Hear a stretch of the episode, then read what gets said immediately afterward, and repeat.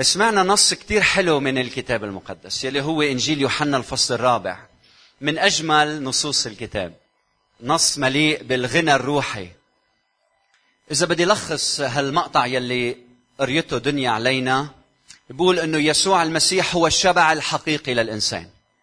إذا بتوضع المال في قلب الإنسان بيبقى قلبه فارغ. إذا بتوضع الممتلكات بقلب الإنسان بيبقى قلبه فارغ. إذا بتوضع المراكز والجاه والغنى وكل مال الدنيا وبتحطهم بقلب الإنسان بيبقى قلبه فارغ. إذا بتحط يسوع المسيح في قلب الإنسان يشبع ويدوس على عسل كل هذا العالم. إذا بدك شبع حقيقي تحتاج إلى يسوع المسيح. إذا بتحط العقيدة بقلب الإنسان بصير عنده عنف بصير يكره غيره. يسوع هو الحل الوحيد للبشرية. فنيالك إذا أنت عطشان ليسوع المسيح هو يلي بيرويك وبيعطيك حياة وبيكون معك كل الوقت. في أربع محطات مهمة بهيدا النص يلي نقرأ عليكم يلي يا ريت في وقت نحكي عن كل آية قد ما في غنى بهيدا النص، لكن بدي أوقف على أربع محطات، أول محطة أساسية هي عطش الواحد ارتواء للآخر. عطش الواحد ارتواء الآخر.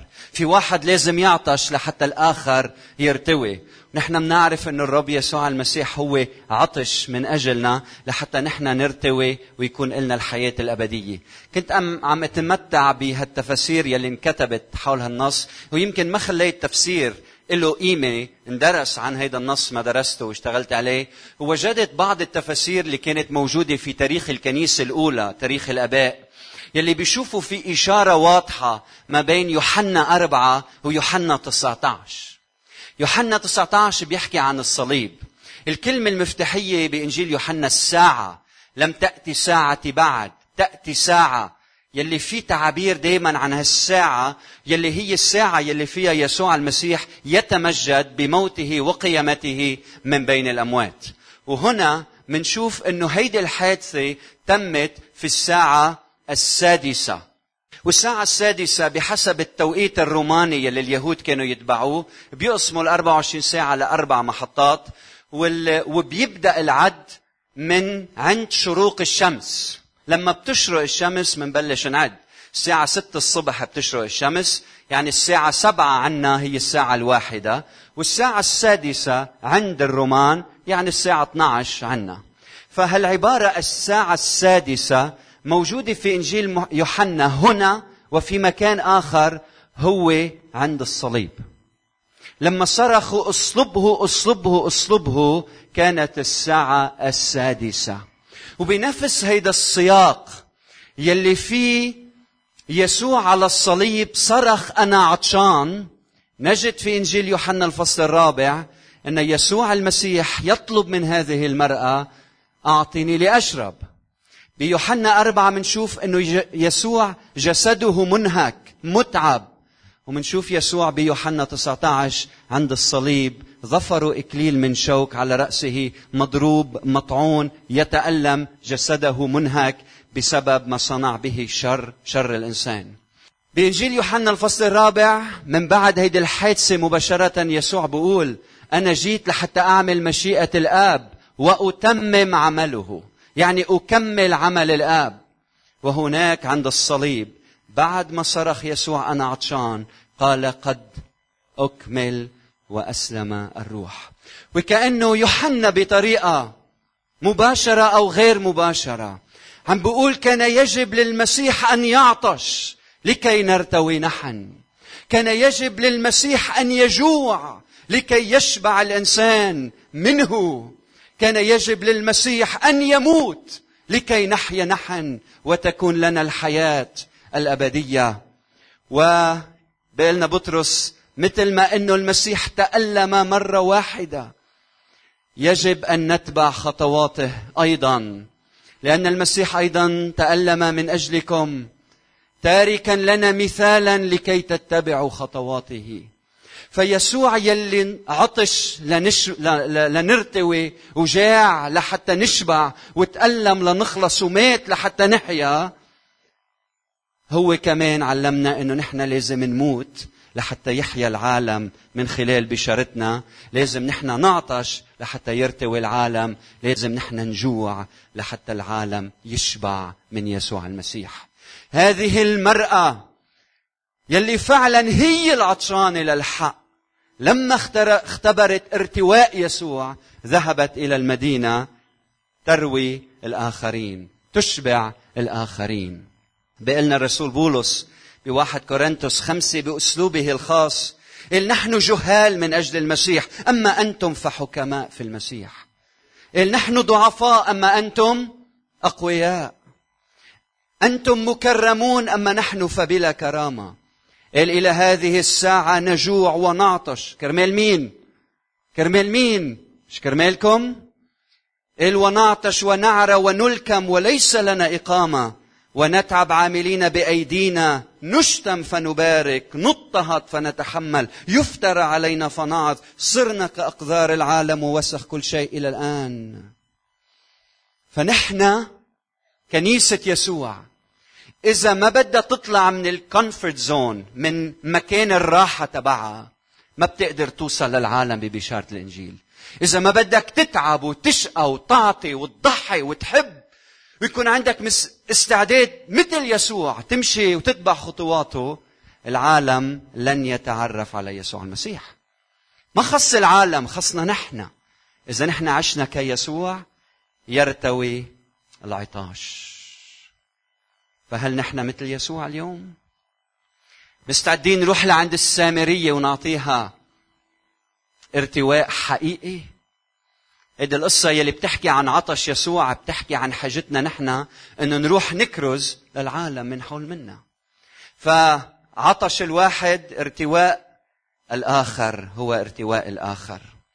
النقطة الثانية اللي بدي ركز عليها إيمان البعيدين وقساوة القريبين. ما فيك تقرأ إنجيل يوحنا الفصل الرابع إذا ما بتقريه في سياق الفصل الثالث. بالفصل الثالث في كلام عن الماء والروح وبالفصل الرابع في كلام عن الماء والروح. بالفصل الثالث في رجل بالفصل الرابع في امرأة. بالفصل الثالث في يهودي هنا في سامرية. هناك شخص متعلم هون عندنا امرأة أمية. هونيك عندنا شخص بلا لوم من الناموس. هنا لدينا شخص مدان من الناموس. مرأة سامرية. يمكن بتعرف يمكن ما بتعرف. لمحة تاريخية سريعة بدقيقتين. العلاقة بين اليهود والسامريين علاقة دموية دموية. الشوريين لما إجوا على اليهود أخذوهم وسبيوهم. وصاروا هودي يلي بنسميهم السامريين صنف من نوعين أو نوع من صنفين. يلي هن صنف من اليهود يلي بقيوا بالأرض. لما إجوا وانسبى الشعب اليهودي مش الكل راح بقي جماعة في الأرض. هودي راحوا تزوجوا مع الغرباء يلي الأشوريون جابوهم ووضعوهم بالأرض. لما صار في هالخلطة هيدي الغير مقدسة نشأ هيدا الشعب يلي اسمه السامريين. وأكثر من هيك هيدا الشعب ساعد قادة بلاد الشام إنه يحاربوا اليهود بوقت من الأوقات. ولما اليهود حاولوا يبنوا الهيكل من بعد السبي البابلي مين يلي عرقل لهم الطريق؟ سامريين وبال 128 قبل الميلاد رئيس كهنة يهودي راح وحرق هيكل السامريين. السامريين كانوا يعبدوا على جبل جريزيم واليهود بيعبدوا بأورشليم. السامريين اعترفوا بأسفار موسى الخمس اليهود كان عندهم كل العهد القديم مثل ما بتعرفوا. فكان في عداوة عقائدية تاريخية آه، بالعلاقات. فكانوا بيكرهوا بعضهم للموت. فالرب يسوع المسيح إذا كان بده يكون يهودي مثل كل اليهود لازم ما يطلع ويتجه نحو السامرة يحول من حوله لحتى ما يتنجس. أما يسوع المسيح هو اللي بيطهر ما بيتنجس. هو اللي بيغير وما بيتغير. هو إله الكون يلي بحب كل إنسان يلي إجا من أجل خلاص كل العالم. فهيدي المرأة كانت سامرية. صرت تفهم كيف اليهودي بيطلع عليها؟ مثل 8 أدار بيطلع على 14 أدار. وال14 أذار بيطلع 8 أذار نفس الشيء أكثر من هيك هيدي كانت امرأة. اليهود بيقول لك التوراة إنه الامرأة نجسة كل امرأة نجسة بوقت معين من الشهر عرفتوا امتين ها؟ بتكون نجسة سبعة أيام. أما المرأة السامرية هي نجسة منذ ولادتها. يعني المرأة نجسة سامرية من أول ما تولد لتموت. فتاريخها صفر امرأة سامرية وأكثر من هيك شو كانت زانية أو فاجرة إذا بتقروا كتب الربيين بتعرفوا إنه اليهود بيقولوا المرأة لها حق تتزوج مرتين. يعني لها حق يكون عندها ثلاث رجال، مش مزبوط؟ تتزوج مرتين ثلاث رجال. تتزوج أول مرة ولا لها حق تطلق مرتين، أهين هيك، لها حق تطلق مرتين، يعني بتقدر تتزوج ثلاث مرات. تتزوج أول مرة بيموت زوجها بتتزوج مرة ثانية بتطلق بترجع بتتزوج مثلا مرة ثالثة. أكثر من هيك ما إلها حق. معناتها هي مش نافعة إنها تكون زوجة. هيدي المرأة كانت مزوجة كم مرة؟ خمس مرات يعني هي كاسرة للناموس. وأكثر من هيك الرجل يلي عايشة معه هو منه هو منه الزوجة. هلأ يوسيفوس المؤرخ اليهودي يلي بتعرفوه قال إنه السامريين لما إجوا إجوا من خمس مدن. وكل مدينة كان عليها إله وكانوا يعبدوا خمس آلهة كانوا وثنيين. وكلمة اسمعوني منيح كلمة بعل بالعبري هي رجل وكلمة بعل بالعبري بتعني إله. يعني هيدي المرأة كان عندها خمس آلهة البعض بيقول والإله يهوى يلي هي لازم تعبده. هلأ هو منه إلهها والبعض بيقول يمكن هذا التفسير طلع شوي عن الخط المستقيم. المهم كانت وثنية أصلا. إله اللي عم تعبده ما عم تعبده صح في سياق الحديث عن العبادة بعد شوي. امرأة زانية فاجرة امرأة سامرية تاريخ دموي كل شيء بيحكي عنها سيء. وأكثر من هيك ما كانت صادقة. لما سأل الرب روحي جيبي زوجك قلت له أنا ما عندي زوج ما قالت كل الحقيقة صح؟ وأنا بدي زيد وحدة عليهم ها وبعتقد هيدي المرأة حاولت تصطاد يسوع لها. قريت هذا النص باليوناني هيك وتمعنت فيه. حسيت لما قلت له أنا ما عندي زوج وهي يلي بتعرف أسفار موسى الخمس وهي بتعرف أنه عند البئر بيتلاقوا الحبايب وهي بتعرف أنه لما إبراهيم كان بده ولا كان بده امرأة لإسحاق قال لعبده روح عند أرضي وعشيرتي وهونيك جيب زوجة زوجة لابني.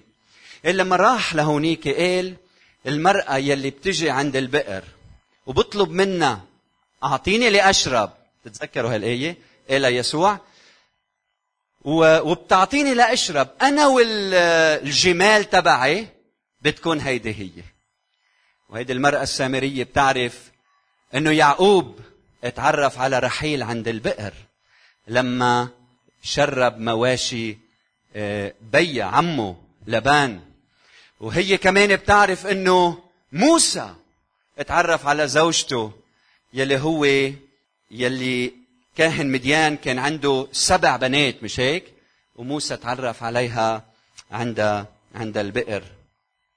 فأنا بقول لما تشافت يسوع المسيح الأبرع جمالا من كل بني البشر حطي حالك محل محل هالامرأة. ما بتقولي يا ريت هيدا بيكون لإلي؟ في أحلى من يسوع؟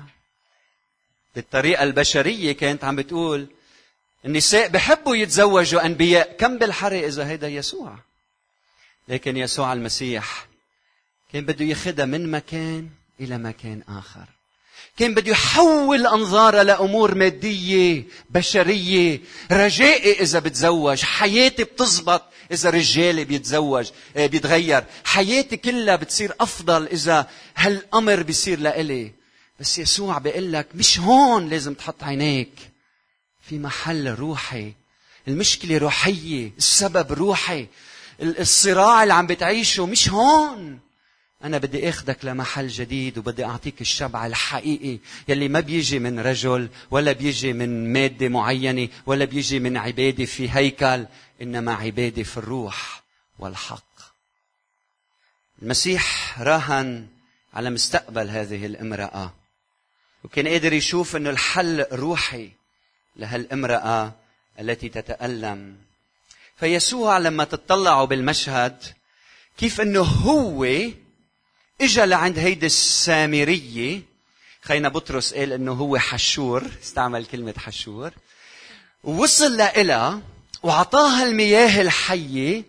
وكانت النتيجة إنها خلصت. وشو كمان؟ وبشرت واعترفت إنه يسوع هو مخلص العالم. نيقوديموس. الخواجة. الأستاذ. البروفيسور. الفهمان. يلي الناس بتبس له إيده لما بينزل من السيارة. هالشخصيه المرموقة المحترمة في مجتمعها المهذب. إذا بتقروا إنجيل يوحنا الفصل الثالث ما بيقول إنه نيقوديموس تعرف على الرب يسوع المسيح. ليكو شو بقول الكلام؟ بينتهي الفصل الثالث بكلام نيقوديموس فيما يلي بقول كيف يمكن أن يكون هذا؟ لما يسوع قال له طريق الخلاص ولازم تولد ولادة تاني قال كيف يمكن أن يكون هذا؟ قال له يسوع أنت معلم إسرائيل ولست تعلم هذا؟ المرة السامرية فهمت وقبلت وارتوت. وأنت بعدك عطشان؟ كيف ممكن هيدا؟ أنت إنسان خاطي وبتحتاج إنك تولد ولادة تاني أنا نيقوديموس بحتاج إني اولد ولادة تاني كيف يكون هذا؟ أنا معلم الشريعة. قال أنت معلم الشريعة؟ وما بتفهم بعد كيف الإنسان بيولد. ما بتفهم لغة الروح. لأنك مقيد بعقيدة وبتاريخ وبتقاليد معينة. هيدي الغريبة الشريرة الخاطية البعيدة فهمت لغة الروح وقبلت يسوع المسيح. رسالتي لك روح وبشر البعيد. روح وارباح الخطاط. إذا بتشوف شخص يا خيي هيدي كذابة وبتسرق وبتعمل هيدي بحاجة ليسوع. هيدي اللي بتعرف قيمة يسوع. هيدي يلي ستقبل إلى يسوع المسيح. هلأ اللي بيقرأ إنجيل يوحنا بيشوف نيقوديموس بالآخر مثل ما ذكرني جاك إنه كان وكان من الأشخاص اللي أخذوا جسد المسيح فيما بعد. لكن بيوحنا ثلاثة لم يقبل يسوع المسيح. وعن قصد يوحنا عم بيقارن ما بين سامرية قبلت ونيقوديموس يهودي مطلوب منه يقبل وما قبل لأنه يأتون من المشارق والمغارب ويتكئون في حضن إبراهيم وأما أبناء الملكوت. لو عندي وقت بخبركم عن هالقصة بالآخر. النقطة الثالثة. العبادة السطحية والعبادة الحقيقية. اهتمام هذه المرأة أين تعبد؟ اهتمام يسوع كيف تعبد؟ هاي هي كلها. آباؤنا سجدوا. اهتمامها بياتنا شو عملوا والتقليد شو علمنا والعقيدة شو عشو تربينا اهتمام يسوع العبادة هي للآب. فعم يخدها يسوع من آبائنا للسجود للآب. شوف المفارقة ما بين الآباء والآب. حبيبي مش مهم من وين جاي مش مهم شو لونك مش مهم تقاليدك مش مهم عاداتك مش مهم شو علموك أهلك كلهم بنحترمهم وبنحبهم بس أهم شيء هل أنت عم تعبد الله الآب بالروح والحق؟ أمين؟ هل عم تعبد الله الآب والروح؟ حاشا عم تطلع لورا. يا خيي هيك عمل جدي وهيك عملت ستي. كلهم حلوين بس الأحلى يسوع. الآباء ما بيرووك التقليد ما رح ترويك. يلي بيرويك وبيعطيك الشبع الحقيقي هو واحد يسوع المسيح. هللويا. هل عبادتك عبادة حقيقية ولا عبادة سطحية؟ كلام يسوع المسيح هون يمكن صعب شوي بس بسيط كمان. العبادة هي بالروح يعني العلاقة روحية مش مادية. يعني انت يلي اختبرت الروح عمل الروح بتقدر تعبد بالروح. بحسب نيقوديموس يعني إذا أنت مولود من الروح بتقدر تحكي لغة الروح وبتقدر تعبد بالروح. نحن اهتمامنا ولادة الجسد. بنحب يجينا أولاد إلهنا اهتمامه ولادة الروح. فهمتوا علي؟ مش مهم الإنسان يولد بالجسد. حلو. الأهم يولد من الجسد والروح. ولادة الروح هي يلي بتخليك تعبد عبادة حقيقية. الأسيس موريس جيريس بأخباره الحلوة خبر قصة يا هو يا عنه عن حدا بيعرفه. كان عم يوعظ بإحدى الكنايس وعم يحكي عن الولادة الثانية عن الخلاص عن الفداء. الإنسان خاطي بيحتاج ليسوع وبتعرفوا موريس جيريس كيف بيوعظ.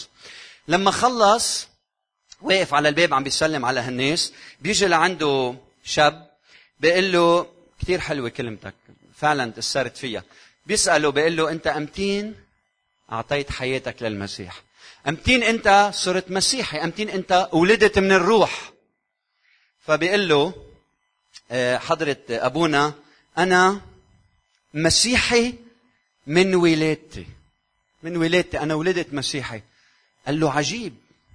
قال له أول مرة بسمع عن إنسان بيولد بهالطريقة. أنت مخلوق غريب. قال له عجيب. حدا بيولد مسيحي من بطن أمه؟ قال أما كل الذين قبلوه أعطاهم سلطانا أن يصيروا أولاد الله أي المؤمنون باسمه. أنا ما بطلع من أمي من بطن أمي مسيحي.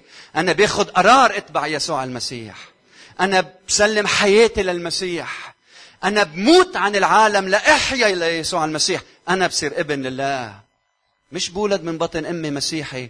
أو بولد الديانة هن عم يعطوني إياها. الاسم هن عم بيسموه علي. أما أنا اللي باخذ قرار إني أتبع يسوع المسيح أم لا؟ أخيرا كنا بنحكي عن الروح والحق. بس ما في كتير وقت. بس باختصار يسوع عم بيقول له ولا الهيكل في روح ولا على الجبل جريزيم عند السامريين في حق. إذا بدك الحق والروح بتلاقيهم في شخص واحد هو يسوع المسيح. هو الهيكل الروح الحقيقي نقطة التلاقي بين الآب وما بين الإنسان. ما تتعذب تروح على مكان. تعال عند شخص هو يسوع المسيح. فهمت؟ هيدي المسيحية. مش روح على هالمكان أو صلي بهالاتجاه أو أعمل هالعادة أو قوم بهالممارسة. المسيحية علاقة مع شخص هو يسوع المسيح. أخيرا الواحد يزرع وآخر يحصد. العدد 31 إذا كتابكم المقدس معكم. قال وفي أثناء ذلك سأله تلاميذه قائلين اسمعوا يا معلم كل. فقال لهم أنا لي طعام لآكل لستم تعرفونه أنتم. قال التلاميذ بعضهم لبعض ألعل أحد أتاه بشيء ليأكل؟ ما عم يفهموا. قال لهم يسوع طعامي أن أعمل مشيئة الذي أرسلني وأتمم عمله. بالسياق شو هو عمل مشيئة الله وتتميم مشيئته؟ بالسياق. خلاص السامرة. خلاص السامرة. عم بقول إنه أنا اهتمامي الأول هو خلاص الإنسان الخاطئ. فخلاص السامرة هو عمل الله. إذا بدك تعمل عمل الله إذا بدك تعمل عمل الله روح ونجي إنسان من الموت. اليوم الوعظ كله والتعليم بدك تعمل عمل الله روح اقتل. الكافر. روح اقتل فلان وفليتين عمل الله الحقيقي أن تحيي الكافر. من خلال أن يتعرف على يسوع المسيح. إلهنا إله الحياة مش إله الموت. إلهنا إله الخلاص. مشيئة الله أن جميع الناس يخلصون وإلى معرفة الحق يقبلون. بعدين العدد 35 أما تقولون إنه يكون أربعة أشهر ثم يأتي الحصاد؟ أنا أقول لكم ارفعوا أعينكم وانظروا. أعينك أعينكم وانظروا الحقول إنها قد ابيضت للحصاد اسمعوا لهالنقطة يلي عم يعملها الرب المهمة جدا. عم بيقول عادة بيقولوا إنه جاي بعد أربعة أشهر بيجي الحصاد. يعني تزرع حبة تنطر شهر اثنين ثلاثة شو بيصير فيها الحبة؟ ساعدني. تنمى وبعدين بيجي الثمر وبعدين شو؟ تقطفها. يسوع المسيح عم بيقول إنه بينقال إنه بعد أربعة أشهر بيجي الحصاد. أنا عم أقول لكم افتحوا عينيكم. الزرع والحصاد عم بيصيروا مباشرة. يعني بتزرع الكلمة بتحصد دغري. شايف شي مرة حدا بيزرع وبيحصد نفس الوقت؟ قال بالملكوت بتزرع وبتحصد بنفس الوقت. لما تنزرع كلمة الرب بقلبك لما تكون هالأرض جاهزة بتعطي ثمر مباشرة بتستجيب بترجع لعند الرب وبتنال الخلاص.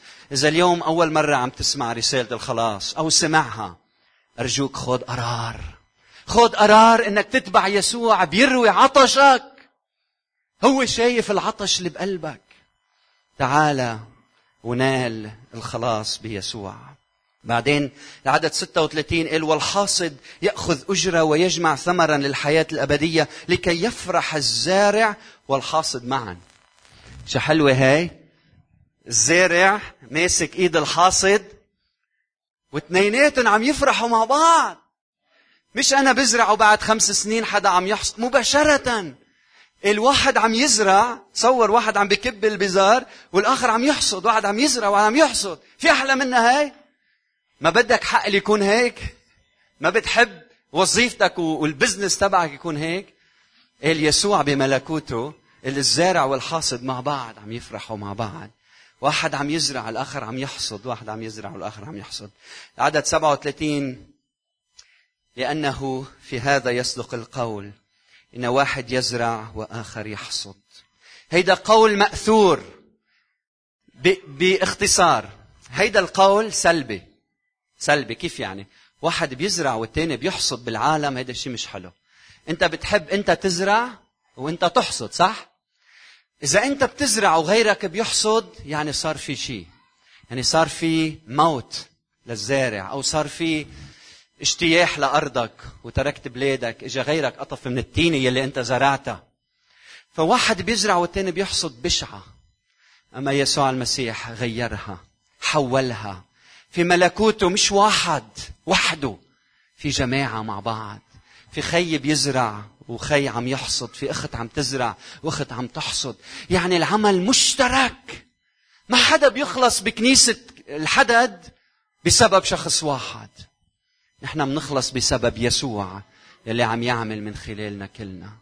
ما يغشك الشيطان ويقول ويقول لك إيه, إيه, إيه إنت إذا بتفل أو إنت إذا ما ما بتصير. لا حبيبي الله بيستغني عنا كلنا. والله بده إيانا كلنا نشتغل مع بعض الواحد يد بيد. فلما يجي واحد يقول لك أخ وسام شو هالخدمة الغير شكل اللي عم تعملها؟ شو بتقول له؟ هيدا لأنه الأسيس داني. بيجي عند الأسيس داني شو هالخدمة الغير شكل اللي عم تعملها؟ هيدا لأنه الأخ أمان يا أخ أمل شو هالخدمة الغير؟ كل ما واحد يدل بالأصبع عليك شو بتعمل؟ بتحول هيدا بسبب هالقاضي بسبب هالاخت بسبب هالأخ. وهيك كنيسة يسوع. بنشجع بعض وعطول المجد هو للرب. لما كلنا نقول هو وهو وهو وهو يعني نحن. ولما يكون نحن نحن مين؟ جسد يسوع المسيح. هاليلويا تعالوا نصلي مع بعض ونمشي خطوة خطوة ونقول له يا رب ساعدنا نطيع كلامك. ونمشي بحسب وصاياك هل أنت مستعد بهيدي الأيام يلي فيها حصاد أن تتعب من أجل الرب؟ يا قادة كنيستنا هل مستعد للعطش للجوع لحتى تربح الآخرين؟ هدف عطش يسوع كان أن ترتوي هذه المرأة. رب يعطينا عطش لحتى من خلال عطشنا ترتوي الناس بيسوع المسيح. إياك تفكر إنه القريب بيقبلوا أكثر من البعيد. إياك. نحن نور. نحن نور لكل إنسان. نور بيسوع. إذا ما عم تاخد التزام إنك تشهد عن يسوع في كل مكان وجدت فيه اليوم خذ هالقرار وهالالتزام. قل له يا رب أنا بدي أشهد عنك. بدي أسألك عن عبادتك بهذا الصباح. هل هي الأحد الصبح ولا هي حياة؟ هل هي نواميس قوانين شرائع أم علاقة حياة بينك وما بين المسيح؟ كيف عبادتك؟ هل هي عبادة في الروح والحق؟ ولا عبادة مادية؟ أين وأمور وعادات. المسيح كان يكسر كل العادات والتقاليد لأنه بده الإنسان يتعرف على الله بعلاقة شخصية. حبيبي تعال عند يسوع بترجاك تعرف على الرب. ما عم أقول لك غير طائفتك ولا عم أقول لك عم أقول لك غير حياتك. عم أقول لك التفت 180 درجة. قول أنا ما بدي أتبع إلا المسيح بحياتي. تعاليمه كلامه عجايبه. شخصه بدي أتمثل فيه. بدي أتمثل فيه. شكرا يا رب لأنه الحصاد ماشي مع الزرع. منزرع ومنحصد لأنه نحن في ملكوت الله. ملكوت المليان بالبركات. أعطينا يا رب نعرف قيمة يلي عم نختبره بحياتنا. أعطينا يا رب نقدر الزارع إذا كنا عم نحصد أو نقدر اللي عم يحصد إذا كنا عم نزرع. ونعرف إنه بحاجة لاثنين بحاجة للجماعة بحاجة لبعضنا البعض. بارك يا رب كلامك لقلوبنا. خلي يصير حياة. خلي يصير يا رب قيمنا. خلي كلمتك تنعشنا مش بس الأحد بس كل يوم. خلينا نسلك بموجبها المقدس.